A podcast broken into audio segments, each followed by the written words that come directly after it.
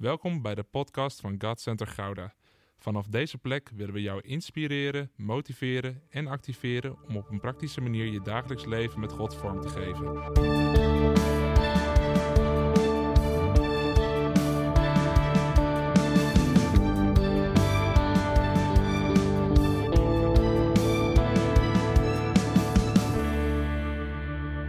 Goedenavond allemaal. Goedenavond. Ik eh, vind het eh, bijzonder om hier te zijn. Een aantal eh, oud-bekenden vanuit uh, Voorschoten, een aantal, aantal nieuwe gezichten. maar ik ben ontzettend dankbaar, Jeroen, om, pastor Jeroen, om hier te zijn. En om het woord met jullie vanavond te delen. Jullie zitten in een vaste periode. Wij moeten nog van start. Is het een beetje te doen?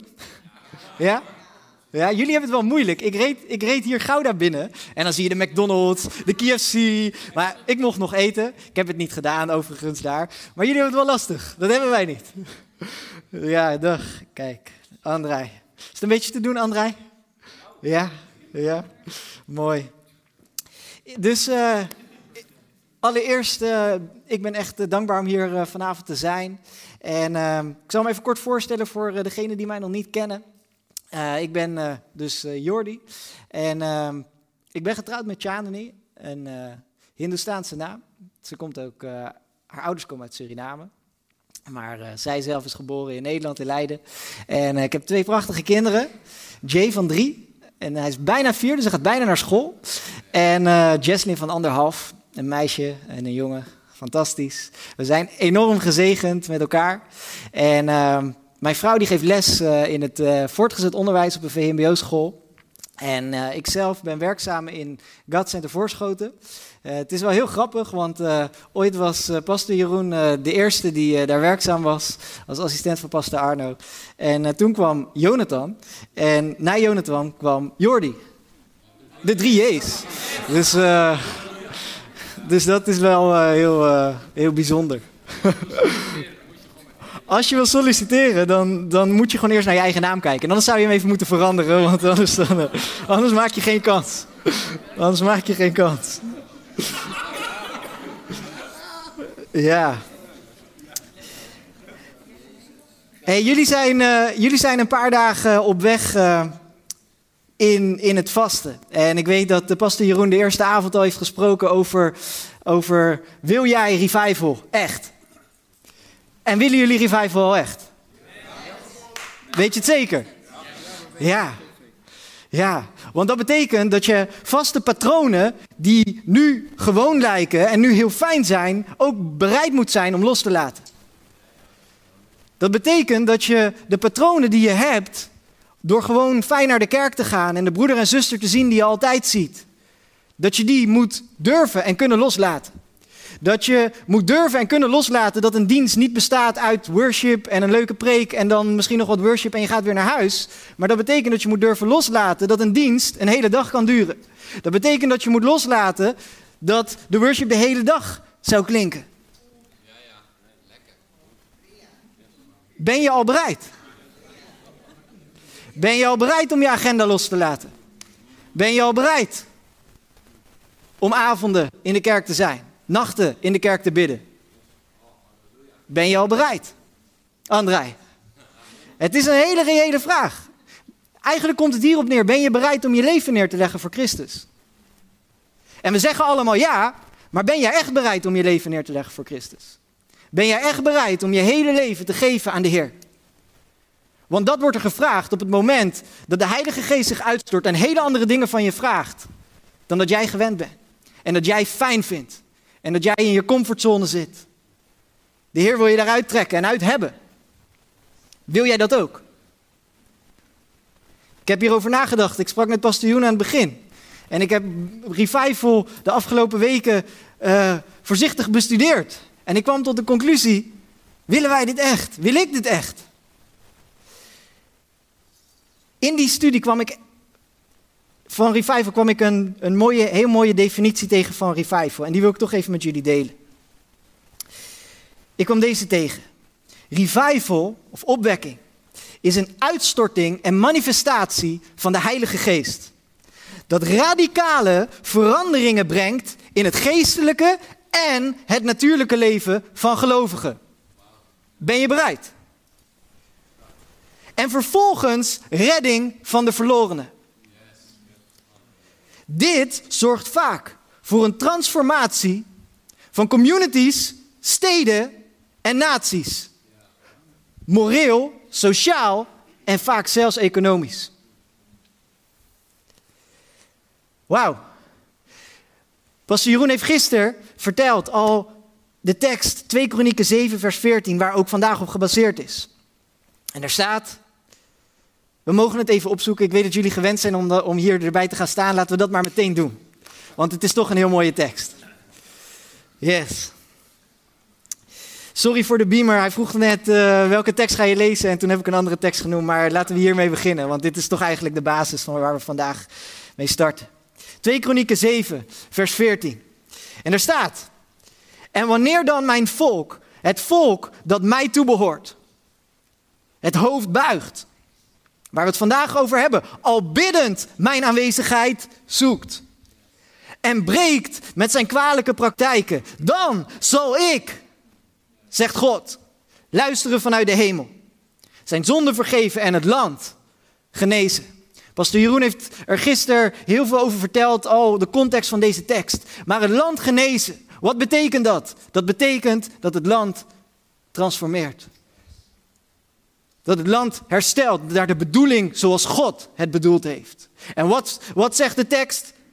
Waar we het vandaag over hebben, een heel belangrijk punt. Dat je al biddend mijn aanwezigheid zoekt. De noodzaak van gebed staat er volgens mij als titel voor vanavond. De noodzaak van gebed voor revival. Daar gaan we het over hebben. Ga lekker zitten.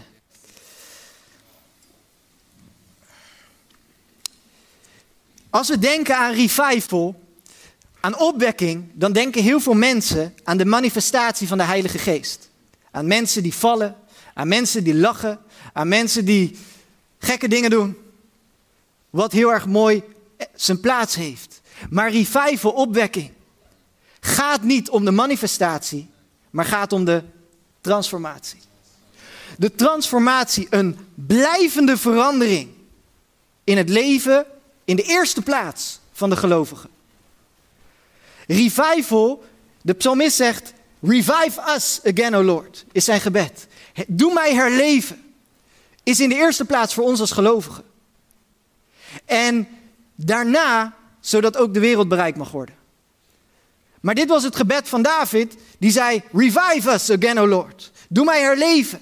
Dat er een blijvende verandering mag komen in ons als gelovigen. Dat het impact op ons leven mag hebben, een transformatie in ons leven mag komen. Een verandering in ons leven, wat uiteindelijk de mensen om ons heen, de stad Gouda, amen, zal veranderen. Is dat wat we willen? Ik wil Gouda zien veranderen voor Jezus. Niet alleen dat, ik wil de kerk zien veranderen voor Jezus. Dat de kerk zal gaan opstaan. Is dat wat we willen? Ja, ik zie niets liever. Dat de kerk zal gaan opstaan. Dat de kerk zal gaan opstaan in nieuwe kracht. Verlang jij al naar nieuwe kracht? Verlang jij al naar die uitstorting van de Heilige Geest aan deze plaats? Dat is waar we het over hebben. Verlang jij ernaar? Verlang jij er echt naar? Of ben je eigenlijk gewoon maar in je eigen dingen bezig? Ben jij gewoon maar bezig met je eigen leven een mooi leven te leiden? Lekker op vakantie? Lekker naar de kerk gaan? Keer op, op bezoek bij je buurman of buurvrouw. Je vaste weekindeling, een keer naar de sportschool.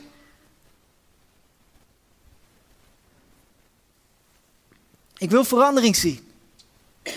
Ik wil revival zien. Ik wil opwekking zien in de kerk, in Nederland. Ik wil Nederland zien veranderen. En ik vertelde het net ook, ik was kort met pastor Jeroen in gesprek. Toen ik dit aan het bestuderen was, dacht ik, ja, ik wil Nederland zien veranderen. Ja, ik wil de kerk zien veranderen. Ja, ik wil revival. Maar, bid ik er dan ook voor? Dit was shocking voor mezelf.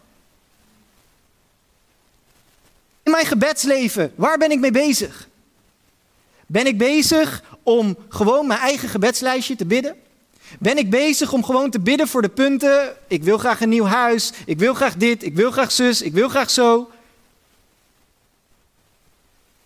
zijn we zo gericht op onszelf vaak in gebed. Maar ben ik in mijn gebed al bewust aan het bidden voor revival? Aan jouw gebed wordt echt gezien, wil je het echt? Aan jouw gebed wordt gezien, wil jij echt revival? We kunnen allemaal zeggen, en ik zeg ook, ja Heer, ik wil. Ik wil revival. Ik wil dat uw Heilige Geest zich opnieuw uitstort. Ik wil het. Maar bidden we er dan al voor? Is het, is het prioriteit nummer één in ons leven? Dat we de beweging van de Heilige Geest gaan zien. Wordt het gezien in je gebed? Bid je daar dan al voor? Dit was voor mij een hele reële vraag. En ik hoop dat deze vraag ook reëel is voor jou vandaag.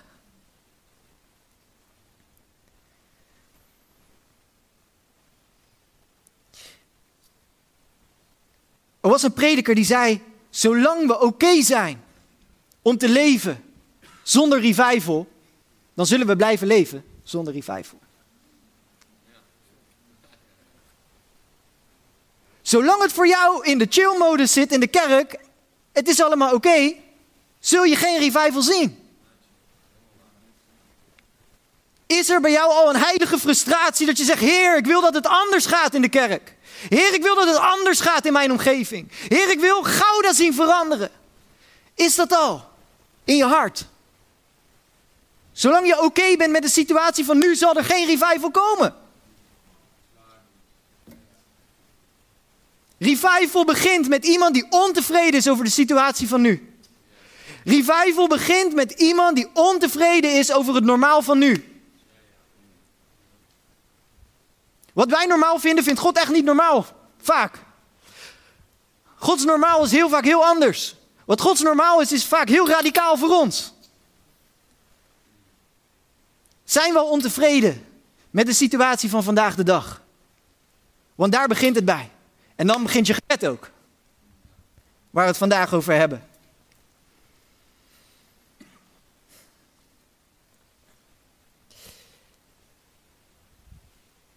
In het bestuderen van revival en in studies die heel veel anderen hebben gedaan en daar boeken over hebben geschreven, komt dit tot uiting. Dat elke revival ergens herleid kan worden tot een beweging van gebed. Elke revival. Kan herleid worden tot gebed. Zo belangrijk is gebed voor revival. Ik wil met je kijken naar revivals in het verleden. Om gewoon een, je een beeld te schetsen van, van hoe dat daar ging. Een paar voorbeelden. Ik wil beginnen bij de Moravian Revival.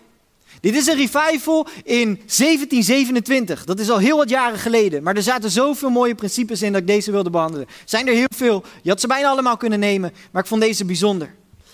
De Moravian Revival. Die revival die vond plaats in het Duitse plaatsje Hernut. En tijdens die revival waren er 300 vluchtelingen samen in dat plaatsje. En de Heilige Geest op, tijdens een avondmaaldienst kwam machtig naar beneden. De Heilige Geest kwam machtig aan het werk. Er gebeurden wonderen, er gebeurden tekenen, er was glorie van God zichtbaar. En uit die revival zijn onder andere 100 missionarissen de wereld ingestuurd. Sterker nog, uit die revival gaat het verhaal dat er zelfs twee jonge mannen waren die waren bereid zichzelf slaaf te laten verkopen. Om het evangelie te vertellen onder de slaven. Dat is pas je leven neerleggen voor de Heer. Dat is pas je leven neerleggen voor de Heer. Hoe deze revival begon. Er was een, een jonge man genaamd Nicolas Zinzendorf. Ik moet het goed zeggen, Zinzendorf. Een Duitser. En deze man, Nicolas Zinzendorf, die was zo'n 27 jaar toen dit gebeurde. 27 jaar, leider van deze revival. En deze Nicolas Zinzendorf, die was al gelovig, groeide op en in zijn jonge leeftijd was hij al echt een bidder. Hij zette gebedsgroepen op en die gebedsgroepen waren al actief in, de, in zijn gemeenschap, daar in dat plaatsje Hernut. En die Nicolas Zinzendorf, die groeide daarop in, in, in die community van vluchtelingen, in dat plaatsje. Maar wat was er nou aan de hand? in dat plaatje waren er gewoon heel veel verschillende soorten religies. Tenminste, niet, ik moet het goed zeggen, niet religies, maar verschillende soorten denominaties van het christendom. Mensen waren het vaak niet met elkaar eens over de doctrines. Je had heel veel verschillende groepje, groepjes. Er was veel verdeeldheid in mening. Wat we vandaag de dag ook zien in de kerk. Er was heel veel verschil in mening. En wat deze Nicolaas Zinsendorf heeft gedaan, hij ging langs alle volwassenen in dat dorpje. Langs alle volwassenen ging hij. Ging naar zijn thuis. En weet je wat hij deed? Hij zei: Ik sta voor eenheid en voor liefde. Waarin kun jij zeggen: Hier zijn we het allemaal over eens?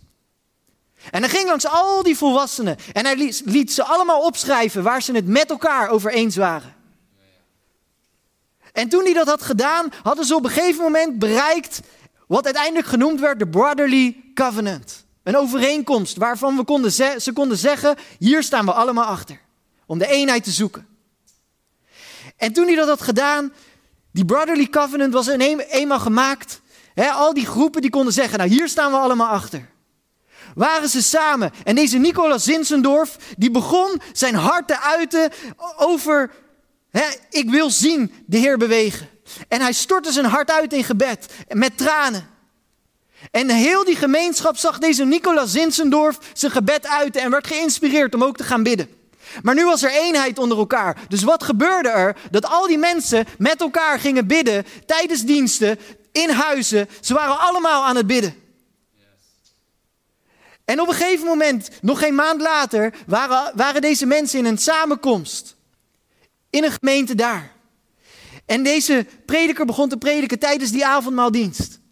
En toen kwam de Heilige Geest machtig, toen ze zich neerbogen, weer in gebed. De Heilige Geest kwam met een machtige, machtige beweging. Waaruit wat ik net vertelde voortkwam. Omdat ze zich neerbogen en volledig gaven aan gebed.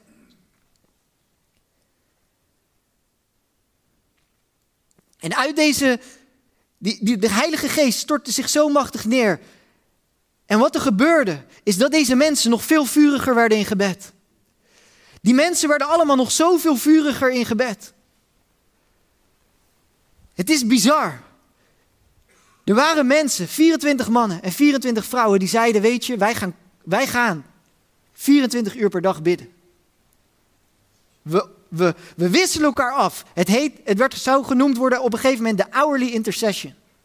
Elk uur ging er iemand anders bidden. Het bleef doorgaan. En weet je hoe lang deze gebedsdienst heeft geduurd? 100 jaar. Na de dag dat dit gebeurde, de Heilige Geest zich had uitgestort. 100 jaar lang, onafgebroken, de hourly intercession. 100 jaar lang. En van daaruit, al die missionarissen zijn, zijn de wereld ingezonden. Van daaruit was, waar, kwamen die jonge mannen die zeiden: Wij zijn bereid om te gaan.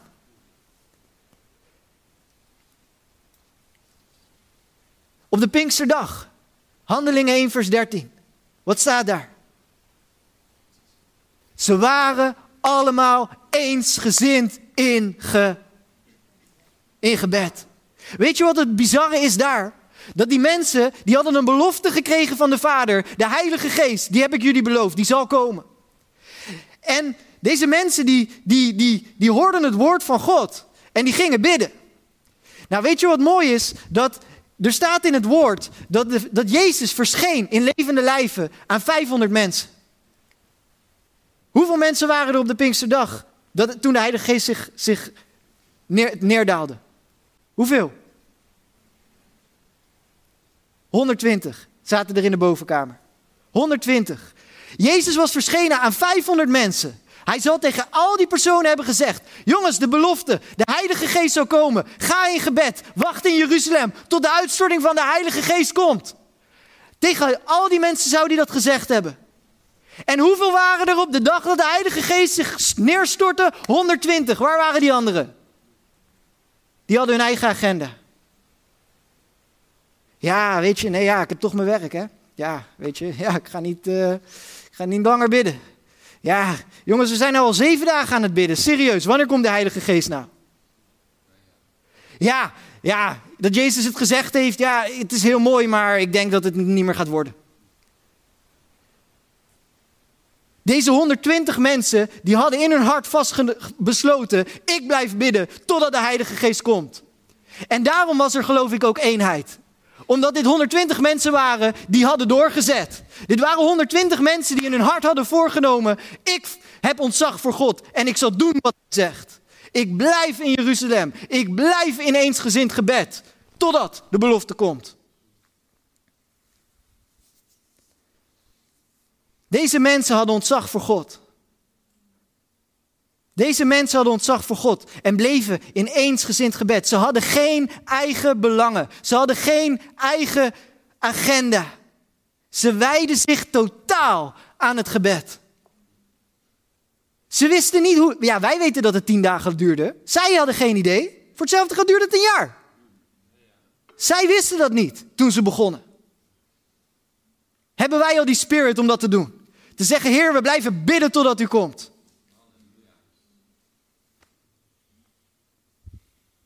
En het resultaat? Revival. 3000 mensen inderdaad.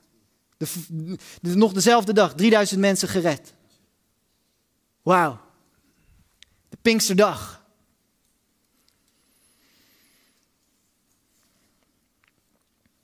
Het mooie is dat uit die Moravian Revival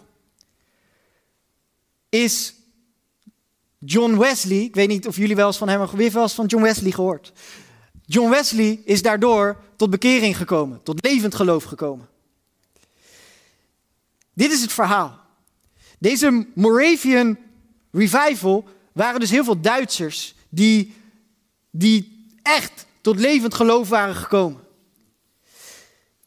Goed, John Wesley, die groeide op in Engeland. En John Wesley, die was al tot geloof gekomen en zou naar Amerika gaan om daar de kerken te helpen. Om daar te gaan prediken. En deze John Wesley, die, die ging het schip op, toen de tijd nog, naar Amerika vanuit Engeland. Maar er zaten ook Duitsers op die boot. Namelijk de, een aantal van die Moravian uh, uit die, uit die uh, uh, revival. En John Wesley met heel wat Engelsen en die Duitsers die gingen op weg. Met dat schip en vast ook nog andere, andere anderstalige mensen. En ze gingen naar, naar Amerika. En midden op de oceaan brak er een hevige storm los. En de mast die splitte in tweeën. Er was paniek. Tenminste, onder alle Engelsen. Want die Duitsers, die waren niet in paniek. Die Duitsers, die hadden zo'n diep vertrouwen in hun God. Die Duitsers, die hadden zo'n besef van eeuwig leven. En John Wesley, die al gelovig was, die dacht, hoe kan dit? Waarom raken jullie niet in paniek? Wat is er met jullie? Wat is er met jullie? Al die Engelsen schreeuwen en die Duitsers waren stil. De kinderen waren stil. De vrouwen waren stil. De mannen waren stil. En hij dacht, hoe kan dit? En hij kwam tot besef, ik mis iets. Ik mis iets. Ja, hij geloofde al. Maar hij kwam tot het besef, ik mis iets. Uiteindelijk zijn ze wel aangekomen in Amerika. Hij in Amerika. En, en dit vond ik heel mooi, dit stond er geschreven. Hij dacht, ik heb dus een geloof, mis ik, die zij wel hebben. En hij ging daarom te prediken. Hij zei, maar ik, heb, ik, mis zelf nog geloof. Hij zei, hoe moet ik dan prediken? En hij ging naar iemand toe.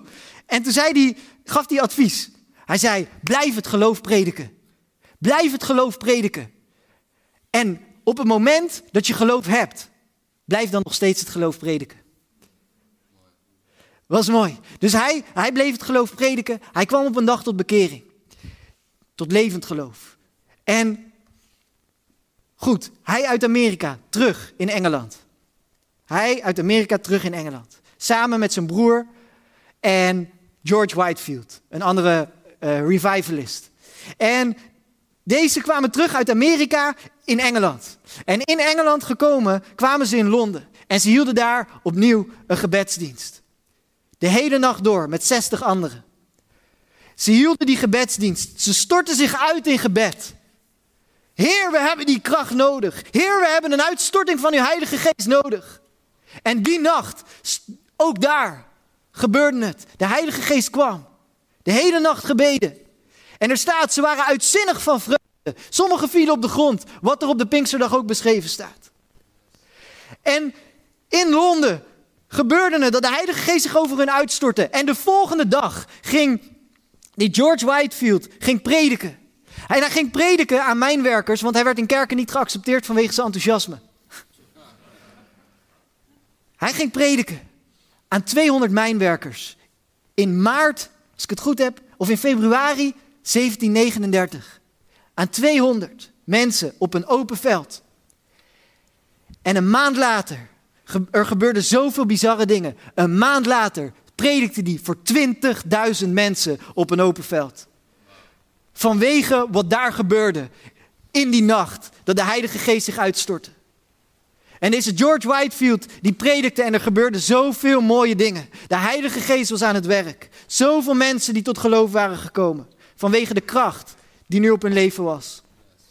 En die George Whitefield, die hield, die, hield die, die, samenkomst en heeft het op een gegeven moment dus overgedragen aan die John Wesley. En John Wesley die heeft 50 jaar lang samenkomsten gehouden. 50 jaar lang. 50 jaar lang. En dit, deze revival wordt genoemd The Great Awakening. The Great Awakening. Bizar wat daar gebeurde. En dit alles begon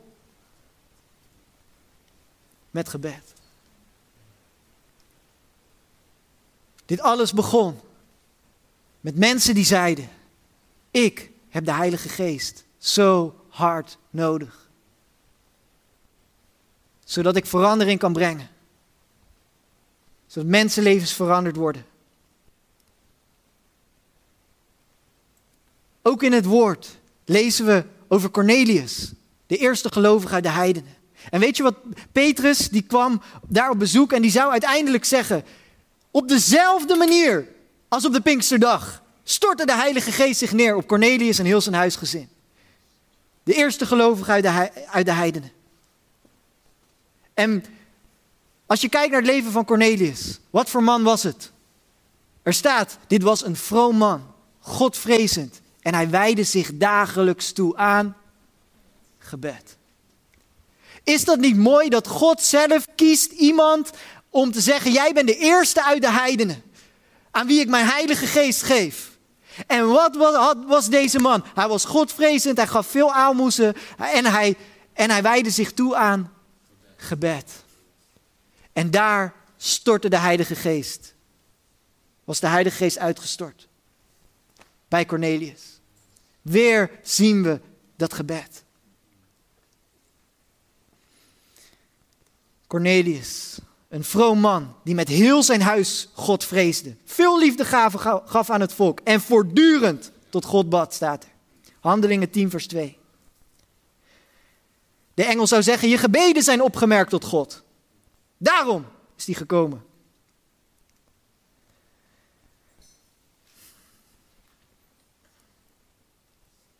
Andrew Murray, een prediker, die schreef dit. De komende revival moet beginnen met een grote revival van gebed. Het is in de kledingkast met de deur gesloten dat het geluid van de overvloed van regen eerst gehoord zal worden. Een toename van geheim gebed zal de zekere voorbode van zegen zijn.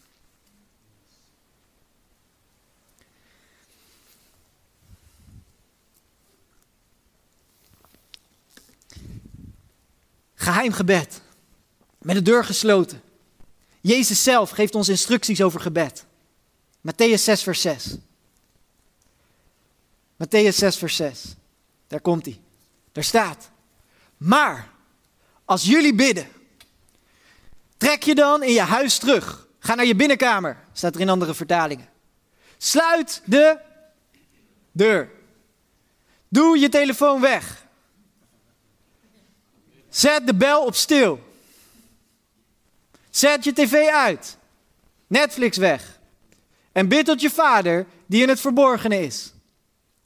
En jullie vader die je in het verborgene ziet, zal je ervoor belonen, in het openbaar belonen. Wat geeft Jezus hier voor sleutel? Sluit je deur. Ontdoe je van alles wat je kan afleiden. Ga je binnenkamer in. Ga die kledingkast in. Dat is de grootste sleutel, geloof ik, voor gebed. Voor gebed waar de Vader je hoort. Waar de Vader je beantwoordt. Sluit je deur. Dit is de allergrootste sleutel. Ontdoe je van alle afleiding die er maar kan zijn. Er wordt aan ons heel veel getrokken in deze wereld.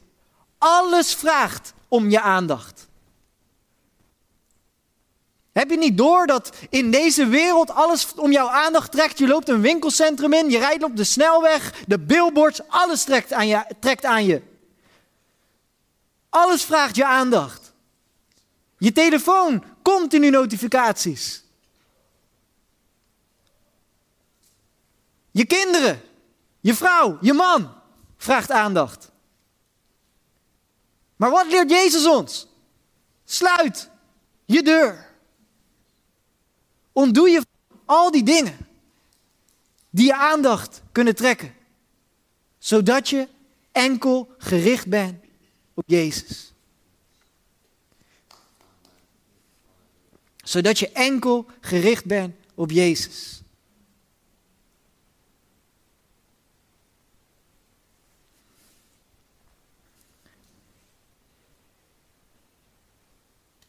In mijn tijd dat ik studeerde.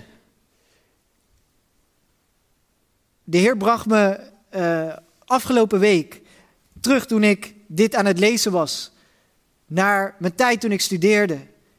Waarin ik onbewust en ook weer bewust dit principe toepaste in mijn eigen leven. Ik ging vaak in gebed. Maar ik merkte bij mezelf dat ik onrustig werd en ook geregeld afgeleid werd door mijn broertjes, zusjes, vader, moeder, telefoon enzovoort. Dus wat ik op een gegeven moment deed, is ik wilde me totaal afzonderen van alles wat mij maar zou kunnen afleiden. Telefoon uit, alles uit. Maar in mijn gedachten, en het gebeurde af en toe nog, dat iemand op mijn deur klopte en de deur open kon doen. En dat leidde me af. Ik wilde gewoon mijn volle focus op Jezus kunnen geven. De deur dicht doen, precies zoals Jezus dat zegt. En wat ik deed, is ik ging mijn kamer binnen. En ik deed de deur, achter me dicht. En vervolgens wat ik deed, ik pakte mijn bed en ik schoof het voor de deur, zodat niemand binnen kon komen. En op het moment dat je dat doet, je ontdoet je van alle afleiding, dan pas kun je echt wijden aan gebed. Dan pas kun je echt komen in de tegenwoordigheid van de Heer. Want dit is, wat, dit is hoe gebed gaat. En dit is hoe gebed niet moet. Is dat je, wat, wat heel veel mensen doen, is dat we gaan in gebed, we hebben ons gebedslijstje, toch? Je hebt punten waarvoor je wil bidden. Je gaat in gebed en je begint, Heer, ik bid voor punt 1, punt 2, punt 3, punt 4, punt 5. Heer, dank u wel dat u, dat u er bent en dat u mijn gebeden verhoort. Amen. Deur open. Dat is niet hoe gebed. God wil meer. God wil meer dan dat. Op het moment dat je gaat bidden, je sluit je deur, je komt in je kamer, in je auto, waar dan ook, waar jij kunt bidden. Je gaat in gebed en ja, je, je, je gaat heel vaak je gebedslijstje noemen. Je gaat inderdaad dingen noemen. Ik zou het kunnen noemen, heel mooi, in drie stappen. Je hebt de voorhof, je hebt het heilige en je hebt het heilige der heiligen. En in de voorhof moet je je ontdoen van alle stemmen die maar op je afkomen. Van alle mensen die praten, van alles wat er maar gebeurt. Het is daar nog daglicht. Je bent nog niet verder. Je moet je ontdoen van alles wat je maar kan afleiden. Je moet je focussen op de Heer. Je moet bewust in gebed gaan.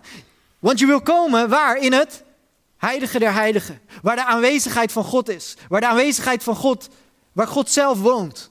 In het Oude Testament, in de tabernakel. Dus je bent in gebed, je bent in het voorhof, je ontdoet je van alles en je, je bent je woorden aan het opnoemen. Op een gegeven moment zul je merken dat je overkomt in de tweede stap in het heilige. En wat gebeurt er dan? In het heilige komt in één keer, wordt je worship anders. Waar je hier gewoon liedjes aan het zingen was, begint de worship je hier in één keer te raken.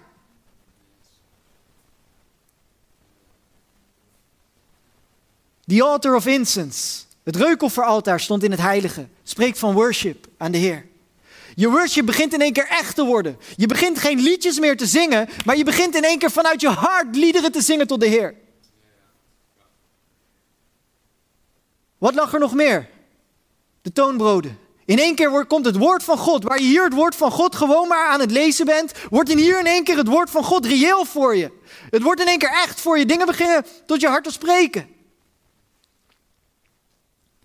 Hier beginnen dingen in één keer te raken.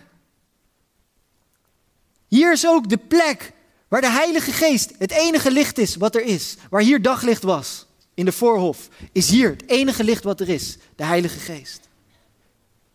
Je begint in één keer, je kent het wel, in de worship, op een gegeven moment krijg je tranen. Je wordt geraakt. Je worship is anders. Toch? Op dat moment kom je hier. Oh, fantastisch, Heer. U bent aanwezig. Fantastisch, Heer. Is het dan klaar? Ook dan niet. Ook dan niet. Het is heel bijzonder. Het is mooi. Dingen raak je. Maar je bent nog niet in het heilige der heiligen. Je zult op een gegeven moment merken, als je hierin blijft, ook dan is het niet klaar zul je merken dat je op een gegeven moment komt in het heilige der heiligen. En waar je hier aan het begin in de voorhof heel veel woorden sprak over al je gebedspunten, word je hier stiller en beginnen dingen je te raken en begin je een lied echt vanuit je hart te zingen. En op het moment dat je komt in het heilige der heiligen is de aanwezigheid van God daar en zeg je bijna niks. En dit is de plek waar vaak echte voorbeden geschiet. Waar God zelf door je heen kan bidden. Waar God zelf met zijn heilige geest kan komen. En dat je het uitschreeuwt naar God. Heer, kom met revival. En dat doe je vaak niet met woorden, maar is gewoon in je binnenste. Gewoon je hart uitstorten bij God. De Bijbel zegt watervloed roept tot watervloed. Je bent één met de Heer. Zij in zijn aanwezigheid. Dit is de plek waar echte voorbeden gebeurt. Waar je vanuit het hart van God kan bidden. Waar je voelt wat, het, wat Gods hart, hoe Gods hart klopt. Voor jouw stad. Voor jouw land. In de plek van zijn aanwezigheid. Dus als je straks gaat bidden, kan in de kerk. In de kerk kun je je deur sluiten. In de kerk kun je zeggen: Ik richt me alleen maar even op de Heer. Ik zet mijn telefoon op stil. Ik richt me niet op mijn buurman, mijn buurvrouw. Maar ik richt me alleen op Jezus. Dit kan ook in de kerk, dit kan thuis, dit kan overal.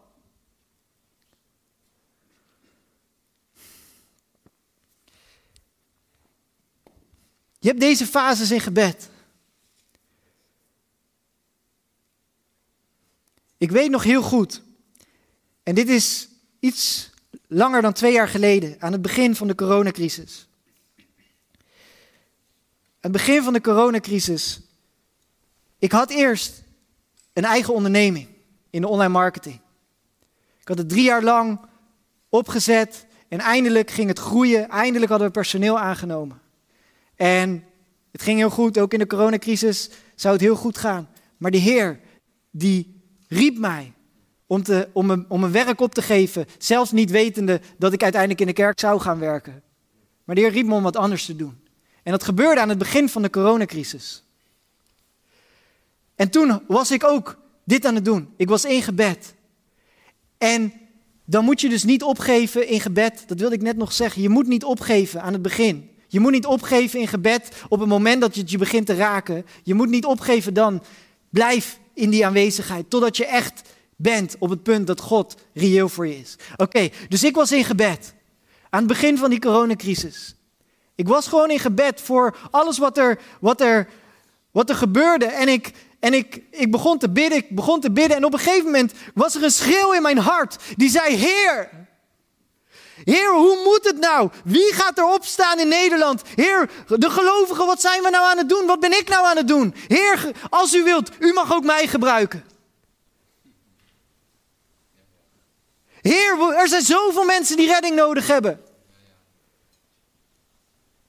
Als u wilt, u mag mij gebruiken. En ik was echt, ik was in de aanwezigheid van God en mijn hart helde zo erg voor deze dingen. Waarom, Heer, doen de gelovigen niet wat ze zouden moeten doen? Waarom, Heer, is iedereen maar gewoon zijn eigen ding aan het doen? Waarom, Heer? Waarom gaat er niemand uit? Dit schreeuwde mijn hart. Ik huilde in de aanwezigheid van de Heer. Het was zo reëel. De Heer Jezus was zo reëel. En ik stond op en in één keer zag ik een beeld.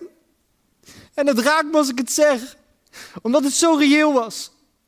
En in één keer zag ik hoe een stad helemaal donker was. En in één keer ging er in een gezin ging er het licht aan.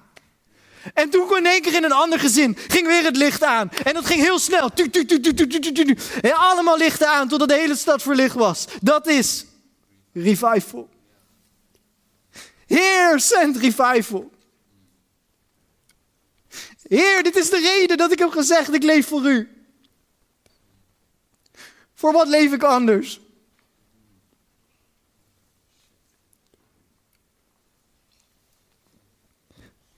Voor wat leven we?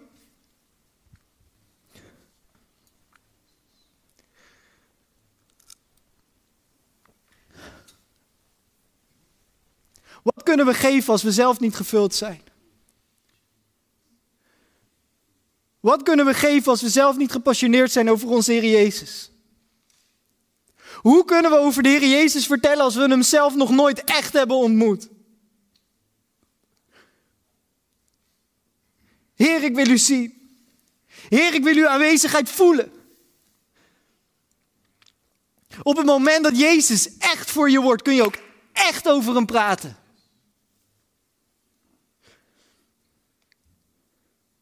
Als je zelf niet gevuld bent met de kracht van God, hoe kun je de kracht van God uitdelen?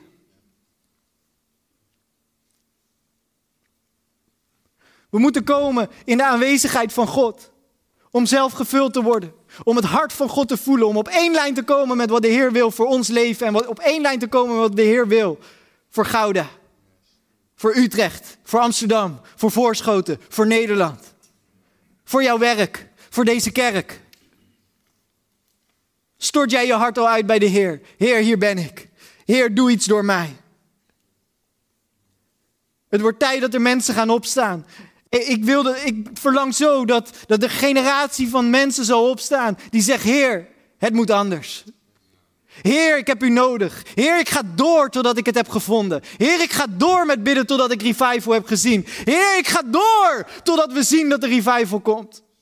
Heer, ik blijf doorgaan in gebed. Heer, ik blijf u zoeken iedere dag opnieuw. Heer, ik blijf u zoeken totdat in mijn gemeente de rest op zijn kop staat. Totdat uw Heilige Geest is uitgestort en mijn leven nooit meer dezelfde is. Ik bid dat er een generatie op zal staan.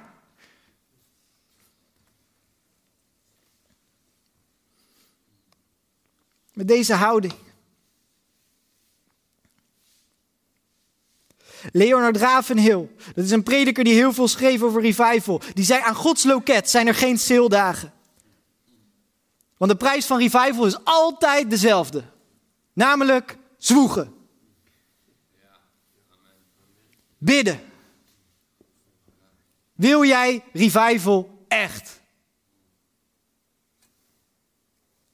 Allemaal ja! Wie wilt er zwoegen? Wie is bereid te zwoegen? Wie is bereid te zeggen: Ik ga wel de, de onderste, ik, ik buig mezelf wel? Wie is bereid te zeggen: Ik leg mezelf op de grond neer in aanwezigheid van God voor mijn generatie? Wie is bereid? Wie is echt bereid? We zeggen allemaal ja, maar wie is bereid om zijn leven echt op het altaar te leggen en te zeggen: Heer, ik ben bereid te leven voor u? Dwars door de schaamte heen. Op je werk, als je je mond moet open doen omdat koning Jezus geschaad wordt. Wie is bereid? Wie is echt bereid? We moeten ons nog zoveel meer uitstorten in gebed. Niet alleen in, als individu, maar ook gezamenlijk. We moeten elkaar vinden weer in de eenheid van de dingen waar we het eens met elkaar over zijn. Dat we zeggen, maar we zijn allemaal toe aan de beweging van de Heer. En dat we hand in hand ons gaan neerleggen voor de Heer. En zeggen, Heer, zend revival. Heer, zend uw geest. Heer, kom met uw kracht. We moeten doorgaan in gebed. Matthäus 7, vers 7 zegt, Bid en u zal gegeven worden. Zoek en u zult vinden. Klop en er zal open gedaan worden. In het Engels staat er ask and keep on asking. And it will be given to you. We moeten doorgaan in gebed totdat we hebben gekregen waarvoor we bidden. Niet alleen deze week dat we denken, ja, we gaan nu, ja, we hebben het over revival, laten we dan maar bidden voor revival. Ja, en een week later, boah. Nee. Wat wil je echt? Dit werd voor mij heel reëel afgelopen week. Wat wil ik echt? Wat wil ik echt? En ga ik daar mijn leven voor geven? Wat wil ik echt? Wat wil jij echt in het leven?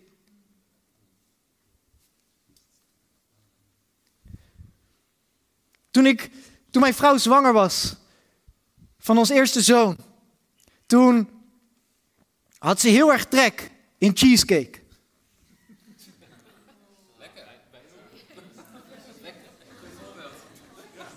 En weet je, zij had heel erg trek in cheesecake.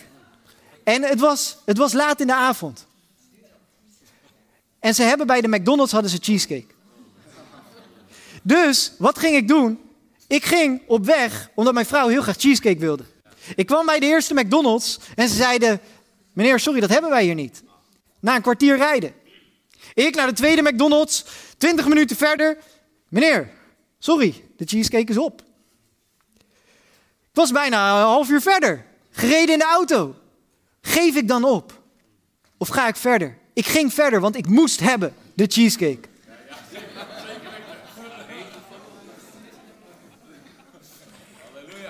We willen allemaal nu cheesecake.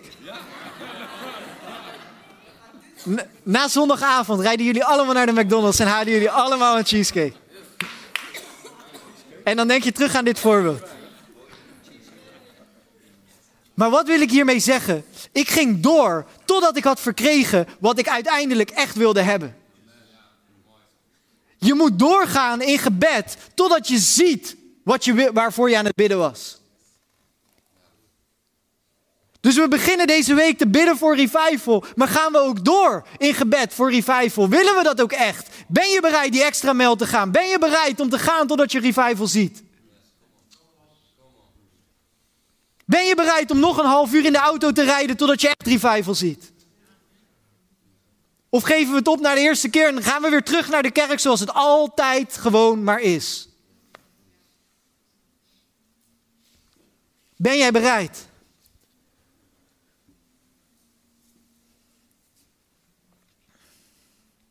Wil vragen aan de band om alvast te komen. We moeten doorgaan in gebed totdat we hebben verkregen waarvoor we bidden. En weet je, weet je wat, wat mooi is met revival? Dat uiteindelijk wij kunnen revival niet forceren. We kunnen het niet forceren. We kunnen wel ons hart in lijn brengen met God en ons hart klaarmaken, maar het is God die het zendt. Het is God die zegt, nu is de tijd, nu is de plaats, jij bent de persoon, nu gaat het gebeuren. Maar we moeten klaar zijn in ons hart. We moeten in gebed zijn dat Hij gaat, zal gaan bewegen. God wil wel. Niemand wist wanneer de Pinksterdag zou aanbreken. Niemand wist welk uur, niemand wist welke dag, niemand wist op welke personen. Maar het kwam op de tijd die God had bepaald. Maar ze bleven volharden in.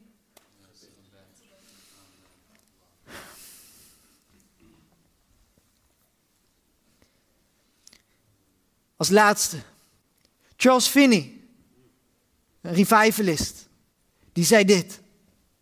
Als wij ons deel doen in bekering, waar gisteren over gesproken is, en gebed, waar we vandaag over spreken, zal God zijn deel doen door het brengen van revival.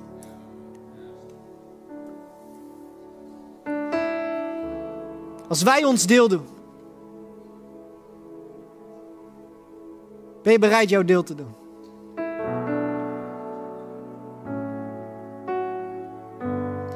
Ben je bereid jouw deel te doen? In bekering. En in volhardend gebed.